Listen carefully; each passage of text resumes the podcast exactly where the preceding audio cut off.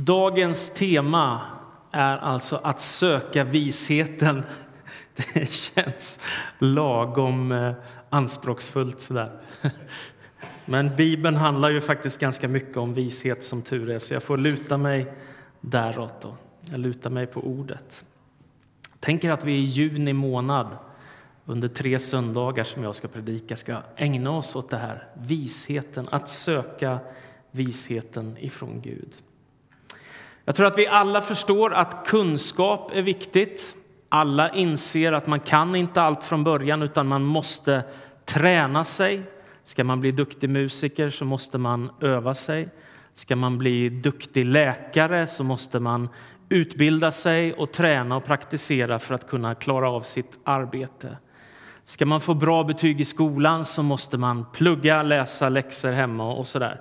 Vi, vi behöver alla träna, utvecklas, mogna och en av de viktigaste sakerna i livet det är att bli en vis människa. Och det hemska med det är, är att det är svårt. Känns det bra? Det är svårt att fatta kloka beslut. Det är svårt att vara vis för att det är så många situationer i vårt liv som vi måste ställas inför som vi aldrig har varit med om förut och så ska vi fatta beslut. Vad är det till exempel som gör att ett helt land som vi har sett nu i Sydeuropa kan hamna i ekonomisk kris? Vad är det som gör det? Jo, det är ovisa beslut, eller hur? Ovisa beslut. Vad är det som gör att det går ett program på tv som heter Lyxfällan?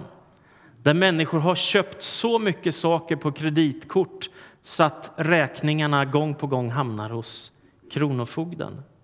Ja, det är ovisa beslut, eller hur?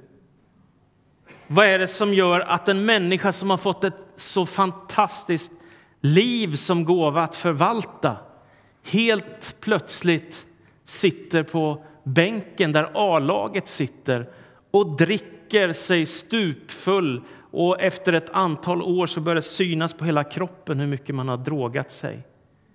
Vad är det som gör det? Ovisa beslut. Vad är det som gör att en människa kan hamna i en sån destruktiv relation med en livskamrat för att man liksom lever ett sånt mässigt liv? Jo, det beror på ovisa beslut. Om jag generaliserar väldigt mycket så finns det bara två sorters beslut. Visa beslut eller ovisa beslut. Man kan leva sitt liv på ett klokt sätt eller på ett oklokt sätt. Och det är som jag säger, det är inte alltid så lätt att veta vad som är vist och vad som är klokt och vad som kommer hjälpa mig att få ett gott liv och därför så behöver man öva sig i vishet och man behöver leva i ordet som talar mycket om den här visheten. Jag kommer ihåg när jag skulle börja läsa på Örebro Missionsskola. Då hade jag gått bibelskola, så jag hade förstått lite om Bibeln och jag hade varit ute på teamträningsskola ett år och få studera halva året och praktisera tron halva året med att vittna för människor och vara med på gudstjänster och massa olika saker. Sen var det dags för att läsa på Örebro Missionsskola, gå på teologiska seminariet. Ni vet där de ser till att människor blir missionärer och pastorer och annat sånt. Jag kommer ihåg en av de första gångerna jag kom in på biblioteket där och så tittade mig runt omkring och tänkte här finns tusentals böcker. Ska det här in i mitt lilla huvud? Allt det här, alla de här kommentarerna och alla de här böckerna om kristen etik, om kristen troslära, om själavård, om ledarskap, om hur man förstår Bibeln, om hur man missionerar, om hur man jobbar med diakoni, om man bygger församling och så vidare. Ska allt det här in i mitt lilla huvud? Så kändes det från början. Sen så när jag hade läst i tre år så var jag oerhört tacksam. Inte för att allt var roligt eller för att alla kurser var bra. Men jag hade fått befinna mig under några år i en tid och liksom, som ganska ung skärpas lite och formas lite av människor som visste väldigt mycket mer än mig och framför allt som hade ägnat sig väldigt mycket mer än mig åt den här boken. Och det var en rikedom i mitt liv. Jag tänker, jag kunde ju som ung människa ha gjort massa andra val också, hamnat på andra ställen i livet. Men jag var väldigt tacksam för att jag var omgiven av många kloka människor som kunde ge mig kunskap, som kunde ge mig vägledning och vishet. Och jag konstaterar att man kan ha nytta av det resten av livet. För några veckor sedan så läste jag ett bibelord som så slog ner i mitt liv som det kan göra ibland när man läser bibeltexter. Ibland så bara är de där och man känner till dem. Ibland så är det som oj, just det. Och det står i Efesierbrevet 5 och 15. Efesierbrevet 5 och 15. Paulus skriver, se alltså noga upp med hur ni lever, inte som ovisa människor utan som visa. Och nu kan jag tänka så här, på ett sätt var det enklare i det gamla förbundet. Därför att de hade de tio budorden och sammanlagt 613 lagar som de skulle följa, Israels utvalda folk. Det är ju det gamla förbundet som de har fått av Gud. Det vill säga, de har detaljerade regler om hela livet i princip. Hur man ska leva, vad man ska göra, hur man ska prioritera, tänka och så vidare. Däremot att vara kristen, det är att leva med Jesus Kristus som Herre. Det är att vara fylld av den helige Ande. Det är att leva i kärlek, det är att vilja göra Guds vilja och det är att söka vishet. Men det är lite mer diffust, eller hur? Det är nästan enklare att hålla sig till de här 613 buden och praktisera dag efter dag efter dag. Men sen när vi läser Nya testamentet så kan vi ju se de här som hade ägnat sig åt detta. Många av dem kallas för skriftlärda och fariseer. Att livet blir väldigt komplicerat för ingen lyckas uppfylla alla bud eftersom människor syndar och så får man problem i alla fall. Och risken är dessutom att man blir dömande mot andra människor. Ja, jag klarar det här, men titta på henne eller titta på honom. Det kristna livet är ett liv i frihet. Det är att följa Jesus, det är att leva med Anden som vägledare och det är att söka visheten. Det finns människor som säger till mig ganska ofta att man måste leva i nuet, och det är sant. Och jag vet en del har liksom nästan nu skrivet på pannan. Det är här och nu som gäller hela tiden. Och det är bra att vara närvarande. Ibland märker man själv att man inte är närvarande i nuet. Men jag skulle också säga att det finns ett mått av ovisshet i att bara leva här och nu. För att det som jag gör idag får konsekvenser för vad som händer i mitt liv imorgon, eller hur? Oavsett om det handlar om relationer, arbete, utbildning, sexualitet eller vad som helst. Det jag gör idag får konsekvenser imorgon, eller hur? Så därför är det väldigt viktigt vad man gör med sitt liv och att inte bara leva här och nu. Om du tackar jobb, till, ja till ett jobb som du inser det kommer jag aldrig trivas med, men jag får mycket betalt så kommer du antagligen att ångra det beslutet, även om det just nu kändes bra att säga jag får bättre lön. Men jag vill inte göra... Är ni med? Alltså tänka på konsekvenserna av det som jag gör. Eller om du ska gå och gifta dig så går det inte liksom dagen efter och vakna upp där och tänka vem är det som ligger bredvid mig här i sängen? Varför? Eh, det är inget bra, eller hur? Utan det är bra att veta i nuet att det jag fattar beslut om idag vill jag också leva med imorgon. Det är därför jag tror att det är väldigt få som skulle göra ett bankrån eller vara otrogna eller slå någon eller vad det nu är för någonting som är dårskap om man visste vad det kan leda till för konsekvenser. Då skulle man låta bli. för att, Men det är så lätt, bara här och nu så verkar det ju så. Men vad händer sen? Konsekvenserna. Därför är det viktigt att fatta kloka beslut. Och jag gillar den här tanken på att när vinden börjar blåsa, har ni sett vad barn kan göra då när vinden blåser? Då går de ut med en lina och så har de en drake och när det kommer motvind då stiger draken riktigt högt. Jag gillar den bilden. Istället för att tänka att så fort det börjar blåsa i livet då måste jag krascha ner i backen och allt måste gå sönder. När det kan gå tvärtom, att jag använder mig av motvinden för att stiga mot himlen och få, bli, och få vara en fri människa. I Bibeln så står det att början på vishet, Ordspråksboken 9 och 10, det är att frukta Herren och känna den Helige. Det är insikt.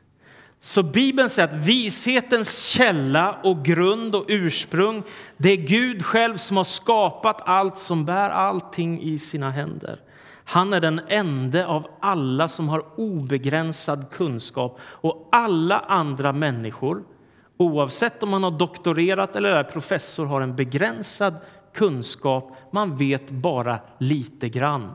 Och till och med de skarpaste hjärnorna i världen kan man nog säga utan att överdriva att de har hyggligt med begränsad kunskap. Vi, vi är, vår kunskap är ett styckverk, säger Paulus. Därför är det intressant att Bibeln är fylld av undervisning om vishet. Mer än hundra gånger står det i Bibeln vis, visdom och vishet. Det kommer tillbaka gång på gång, det är ett genomgående tema i Bibeln. Och Ordspråksboken är fylld av detta. Om Saltaren i Gamla testamentet är en text för framförallt relationen med Gud, hur du kan leva i bön och lovsång och tillbedjan och kärleken till Gud, så är Ordspråksboken en sån här praktisk how to do it-bok där du får vägledning för ditt vardagsliv, vad du kan tänka på, vad du kan leva i. Och den som är författare till den boken är ju kung Salomo. Och det står om Salomo att han var så vis att människor reste från andra länder för att få samtala med honom. Nu läser vi ifrån Ordspråksboken kapitel 1 och 1 till 15. Ordspråk av Salomo, Davids son, Israels konung. Det ger vishet och fostran så att man förstår de klokas ord och låter sig fostras till insikt till rättfärdighet, rätt och redbarhet. Det ger de oerfarna vett, de unga kunskap och rådighet. De vise hör dem och ökar sitt vetande. De vägleder den kloke. De gör att man förstår tänkespråk och liknelser. De visas ord och gåtor. Gudsfruktan är kunskapens begynnelse. Dåren föraktar vishet och fostran. Lyssna till din fars förmaningar, min son. Förkasta inte din mors undervisning. De är en skön krans för ditt huvud och en kedja som pryder din hals. Min son, följ inte syndare som lockar dig och säger Kom, vi lägger oss i bakhåll och dödar. Vi ska roa oss med att lura på oskyldiga.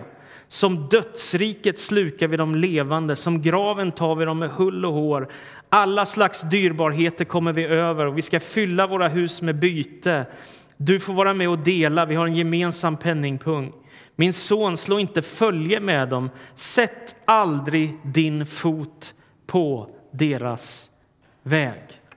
Det är väl rätt så tydlig vägledning. Så börjar Ordspråksboken i Gamla testamentet. På Bibelns tid så fanns det flera sorters vishetsskolor runt omkring folket, Israels folk. Det fanns en grupp som hette epikurer de var livsoptimister och de tänkte att livet går ut på att njuta.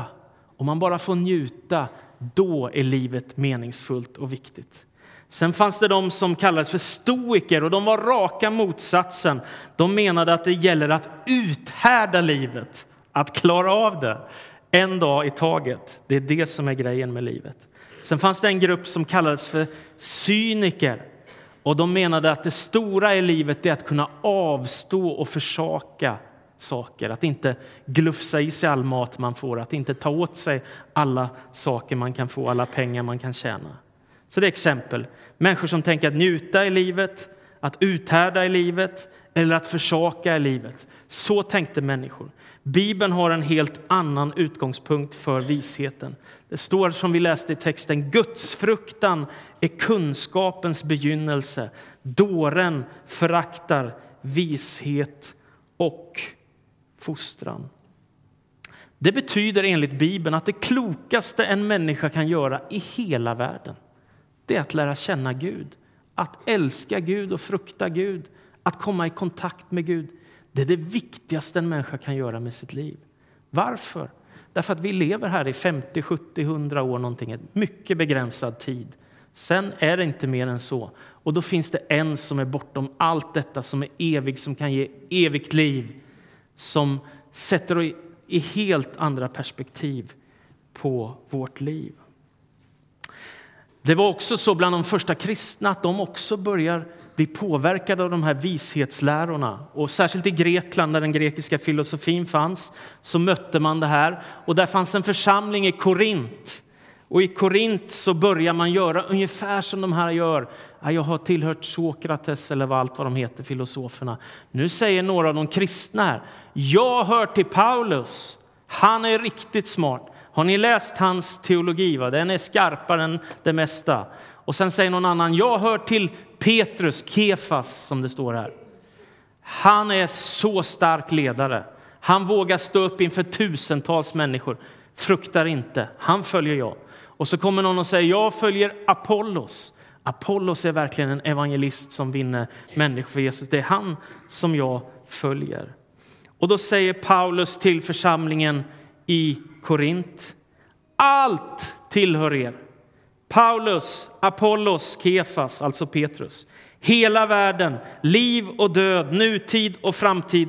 Allt är ert, men ni tillhör Kristus och Kristus tillhör Gud. Det här tycker jag är så fantastiskt.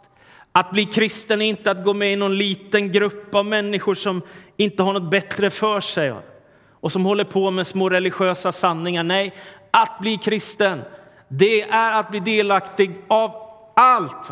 Allt tillhör dig. Livet och döden, nutiden och framtiden. Kristus tillhör dig, Gud tillhör dig. Allt tillhör er. Allt är till din glädje. Men ni tillhör Kristus och Kristus tillhör Gud.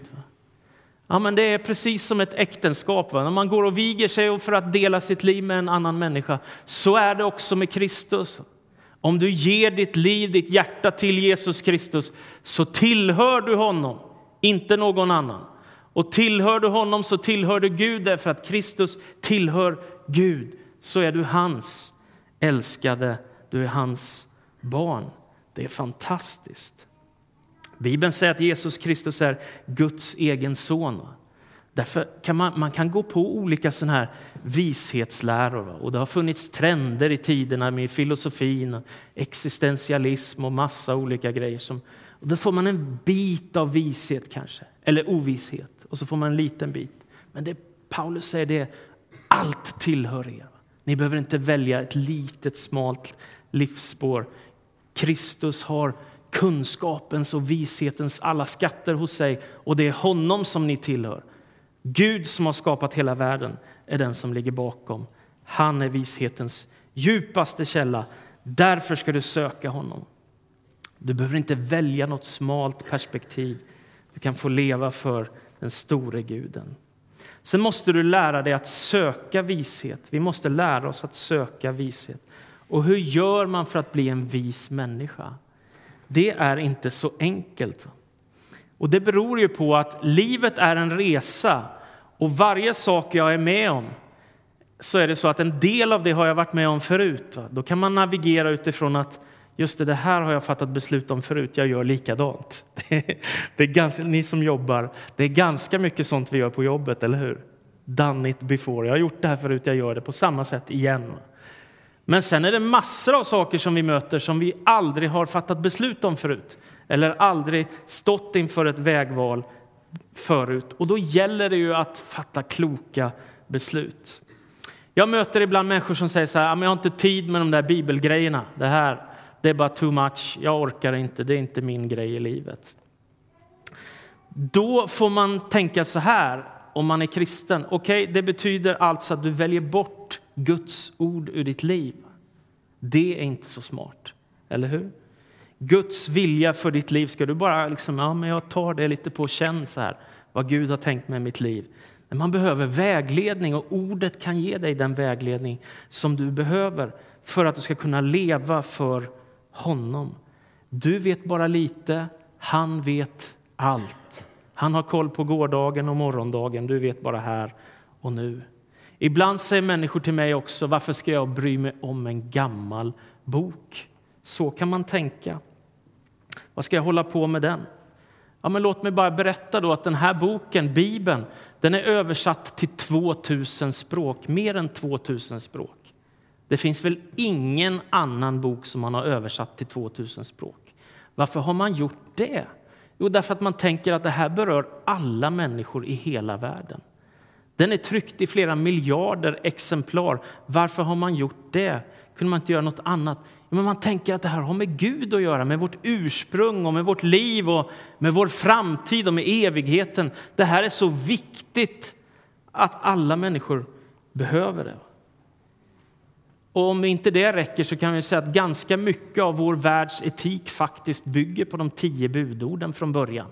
Hela Europas lagstiftning har sin grund från början i de tio budorden, till exempel. Jag läste, som jag sa, i nästan fem års tid den här boken i studier, så att säga. Nu har jag varit pastor i över 20 år och ägnat mig åt den här boken. Och jag har fortfarande inte tröttnat. Så jag tänker, det är något väldigt speciellt med Bibeln som inte finns någon annanstans. Och så kan man få ägna sig åt detta, det är fantastiskt. Sök visheten. Jag tänker på en människa i Bibeln som var väldigt klok och det var just kung Salomo. Salomo han är son till David. David har syndat mot Gud och David har blod på händerna. Därför får David inte bygga Guds tempel i Jerusalem. Men Salomo, han är en vis människa. Och det står som jag sa att han var så vis att människor kom från andra länder för att besöka honom, för att samtala. Och det är han som får bygga Jerusalems tempel. Och så bygger han detta tempel och när det är färdigt så står han där med denna fantastiska seger som det är att just han har fått fullborda det som Gud hade tänkt för hela Israels folk i just hans tid, i hans generation. Och så har Guds löften fullbordats och Guds härlighet uppenbarar sig i templet. Vilken fantastisk glädje att få vara med om något sånt, att leva ett sånt liv. Ta kontrasten Judas Iskariot. Det räcker att säga hans namn så inser man att vishet och dårskap är oerhörda kontraster. Tänk på Judas liv. Han lever tillsammans tre år med Jesus, vandrar med honom dag och natt. Han ser honom bota sjuka, han ser honom predika kärleksbudskapet. Han ser honom göra gott emot människor och han talar om att följa honom och lämna allt. Och vad slutar det med för Judas Iskariot? Jo, det slutar med när han liksom blir frestad i en situation där och Jesus inte möter upp mot det här att ta över, eh, liksom rensa Israel från romarriket ungefär så. När han inte riktigt är med på det, då tror jag Judas blir frestad i ett tillfälle där. Och så tar han frestelsen och för 30 silvermynt så säljer han Jesus. Han sviker sin vän. Inte nog med att han sviker honom, han går fram och kysser honom på kinden. Och så säger han någonting till Jesus. Det är en fruktansvärd tragedi. Och så inser han vad som händer med Jesus. Jesus blir avrättad, han blir korsfäst. Och vad händer med Judas? Jo, Judas går och hänger sig och tar livet av sig. Vilken tragedi! Ser du vilken skillnad det är på Salomos vishet och Judas Iskariots dårskap? Gud har ett syfte med ditt liv. Han har en poäng och det är att du ska söka hans vilja. Det står i texten som vi läste i Ordspråksboken att man kan öka sitt vetande och man kan bli vägledd av kloka människor. Man kan förstå tänkespråk och liknelser, de visas ord och gåtor. Och sen så skriver Jakob, Jesu lärjunge, Jakob 1 och 5 att om någon av er brister i vishet ska han be till Gud som ger åt alla utan förbehåll eller förebråelser och han ska få vad han ber om. tycker jag är fantastiskt. Vad skönt det Tänk om, tänk om Jakob hade skrivit så här. Om du brister i vishet så gå då en utbildning på sju år som handlar om det så skulle du sen kunna hantera ditt liv. Nej, han säger bara om du brister i vishet så be till Gud. Sök hans visdom för ditt liv. Kung David säger om detta, Salomos far, gärna gör jag din vilja, min Gud. Så jag tänker, ditt liv har ett syfte, en poäng. Du finns här av en anledning. Gud har gett dig ett antal gåvor som du har fått. Gud har gett dig ett antal talanger, han har gett dig ekonomi. Du har olika förutsättningar som gör att du kan göra något bra med ditt liv. Och om du är vis, om du fattar kloka beslut, så kan du få vara till välsignelse för andra människor och få göra Guds vilja. Jesus säger sök först Guds rike och hans rättfärdighet så ska du få allt det andra också. Gud vill också att du ska undvika dårskapen. Känns det okej? Okay?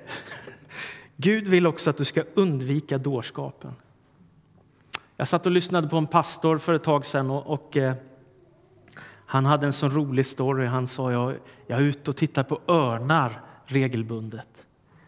Och så berättar han om hur örnen lär sitt lilla barn, den lilla fågeln, då, hur man fångar fisk. Och den svävar runt vattnet där några gånger och sen så helt plötsligt så ner och så grabbar den tag med klorna och så flyger den iväg med fisken och så helt plötsligt så sa han så ser man den lilla fågelörnen där, den lilla varianten på örn flyger några cirklar och sen så greppar tag i en fisk och flyger iväg. Och sen så sa han så här, men jag har aldrig sett någon örn sitta och dricka något som är dödligt farligt. Och jag har aldrig sett någon örn sitta och röka. Men jag har sett människor göra det. Visst är det märkligt? Hur kan vi göra så ovisa saker som är onyttigt för oss, som ju faktiskt är dårskap? Gudsfruktan är kunskapens begynnelse. Dåren föraktar vishet och fostran. Hur gör man för att vara klok när man prioriterar sin tid? Jag tänker att ingen av oss tycker om att slösa bort tiden. Det är ingen som ja, idag ska jag slösa bort den här dagen. Det är ingen som tänker så. Ingen planerar för att slösa bort sitt liv. Ändå kan man göra det. Och det värsta av allt är att människor kan slösa bort hela sitt liv ibland. Det är en tragedi. Jag såg när jag var på Ica och skulle handla mat häromdagen. Då stod de Prince, världsstjärnan. På 90-talet var han en av de största musikaliska giganterna i vår värld, världsberömd. Och så stod det Prince dog av en överdos. Men vad är detta? För mig, det är ett mysterium. Hur kan man lyckas med nästan allt och bli så rik som man bara kan bli och så går man och tar livet av sig genom en överdos? Det är obegripligt, är det inte? Ovist att inte förvalta sitt liv bättre än så. Jag kommer aldrig att glömma heller. Vi, vi, jag jobbade på Bibelskolan i Jönköping och så var det en kille som han hade missbrukarbakgrund. Men han blev frälst och han fick ett nytt liv och han började leva på ett nytt sätt. Han fick ordning på sitt liv. Han kom på, på behandlingshemmet som vi hade där, ett LP-hem som jobbade för att hjälpa missbrukare på fötter. Han fick ordning på livet. Han började leva det nya livet som vi har sett många missbrukare göra i LP-stiftelsen som har kommit dit. Då. Och han fick börja på bibelskola. Alltid en liten prövning så när människor har liksom väldigt svår bakgrund så måste man, kan du klara av det här, är du redo? Men vi hade seriösa samtal, det gick jättebra och han gick nästan en hel termin.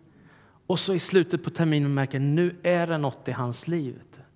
Nu är han inte som han har varit tidigare. Vad är det som har hänt nu? Så tänkte jag ändå. Nästa dag när det var bibelskola på morgonen så var han inte på lektion. Jag tänker, vad är han nu? Så gick det någon dag till, inte på lektion.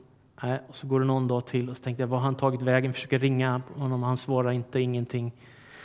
Och så kommer jag ner på Julläkartorget i Jönköping och så sitter han med A-laget igen. Jag känner vilken tragedi. Och sen har jag aldrig sett honom mer. Och jag undrar, lever han nu? Alltså så det, det, är ständigt så här, vi står inför livsutmaningar, en del lite mer dramatiska än andra. Men jag tänker att det, det som vi fattar beslut om i livsfrågor som är väldigt centrala, de är helt avgörande. Och sådana här saker får konsekvenser, jättestora konsekvenser. Det är därför som jag säger, man kan inte bara leva i nuet, utan man måste tänka på framtiden. Om jag fattar det här beslutet idag, vad händer imorgon? Om jag gör så här mot min familj, vad händer om ett par år? Om jag hanterar min ekonomi på det här sättet, vad kommer då hända med mina barn? Och så kan man fortsätta i all oändlighet. Kloka beslut, hur fattar man det? Och då säger Ordspråksboken, här talas det till min son, säger Salomo, kung Salomo. Följ inte syndare som lockar dig och säger Kom, vi lägger oss i bakhåll och dödar. Vi ska roa oss med att lura oss på oskyldiga. Som dödsriket slutar vi, slukar vi de levande. Och så fortsätter han. Och så avslutar han med Min son, slå inte följe med dem, sätt aldrig din fot på deras väg. Det är ett väldigt klokt råd. Hur ska man hålla sig borta ifrån livets destruktiva sidor? Jo, man måste se till att inte slå in på en väg som leder till destruktivitet eller ondska eller som leder dig bort ifrån Gud i olydnad och synd. Det leder dig vilse. Du kommer aldrig, jag är övertygad, du kommer aldrig att när ditt liv går mot sitt slut bara ja, jag gick på den där dåliga vägen. Det kommer du aldrig bli lycklig över. Inte ens om du tjänar jättemycket pengar på det. Se upp med dårskapen. Sätt inte dina fötter på en väg där människor vandrar som kan leda dig vilse, som kan leda dig till det destruktiva, till ondskan. Till sist då. Vad är syftet med våra liv? Jo, Gud vill att du ska leva till hans ära. Därför finns du här, för att leva för Guds ära. Det kan hända att du inte fick det bästa jobbet av alla i Karlstad. Det kan hända att du inte blev den rikaste av alla. Det kan hända att du inte har mest ägodelar. Det kan hända att det inte är ditt namn som är i tidningen. Men ärligt talat, spelar det någon roll? Du har någonting större att leva för, och det är Gud själv. Du har någonting att leva för som är mycket, mycket viktigare. Och det är att leva för Guds ära, för hans härlighet, för hans namns skull, för att du älskar Gud, för att du är galen i Gud. Paulus skriver om ni äter eller dricker eller vad ni än gör, så gör allt till Guds ära. Jag är så glad för de orden. Det står inte, sagt det förut, det står inte om du läser Bibeln och ber och om du fastar och firar nattvard så gör allt till Guds ära. Nej, om du äter eller dricker eller vad du än gör så gör det till Guds ära.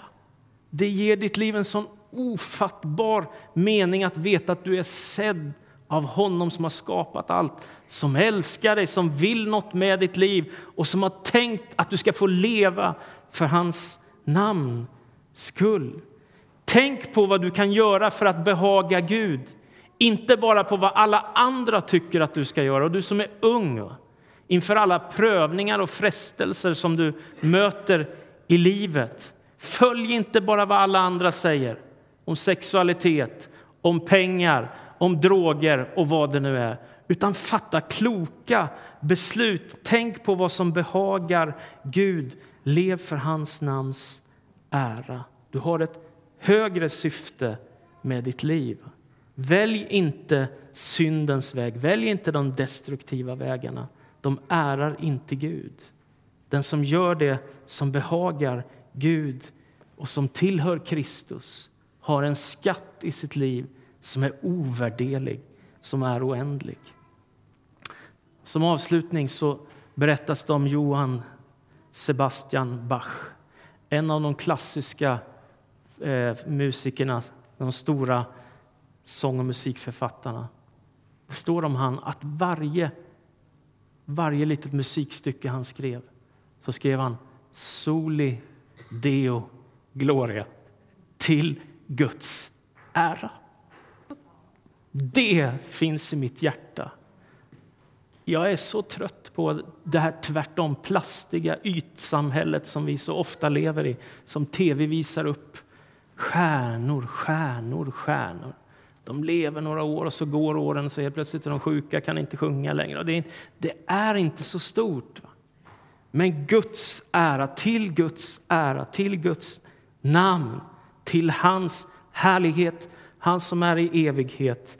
Där har du någonting att leva för. Sök inte de destruktiva vägarna. Vandra inte på vägar som leder dig vilse. Vandra efter Guds hjärta, det som behagar Gud. Och det sista jag säger det är, ja men om det har blivit fel då? Vad ska man göra då? Ja, det finns ett kors. Det var därför Jesus kom. För att allt som har blivit fel i ditt och mitt liv, det har han försonat. Så även om du har gått i ovisshet och även om du har gjort många saker som inte behagar Gud, och jag också, så är det ändå så att det finns nåd och förlåtelse. Och därför sök visheten för ditt liv. Herrens fruktan, det är vishetens begynnelse.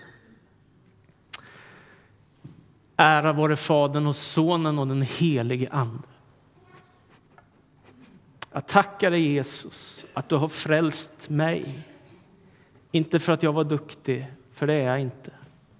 Inte för att jag lyckades med alla beslut och att jag var så klok och vis alltid, för det har jag inte varit. Men jag längtar efter att leva för ditt namn.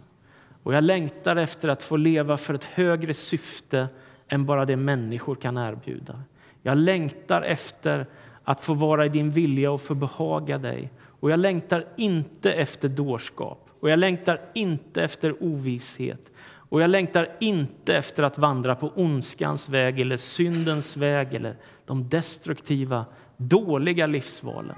Det längtar jag inte efter. Jag längtar efter dig, Gud. Och jag ber för var och en av oss, du vet hur vi har det i våra liv, hur vi kämpar med vår hälsa eller vår ekonomi eller vår sexualitet eller våra gåvor, hur vi ska förvalta dem, eller vår familj eller, eller våra omständigheter, våra prövningar, våra frestelser. Du vet hur det är att vara människa, Jesus. Du har varit som oss, men utan synd. Och det är just därför du kan frälsa oss också, Herre. Så hjälp oss, Herre, att fatta kloka beslut. Beskydda vår församling, Herre att vi får vara en klok församling som gör det som behagar dig. Jag ber om det i Jesu Kristi namn. Amen.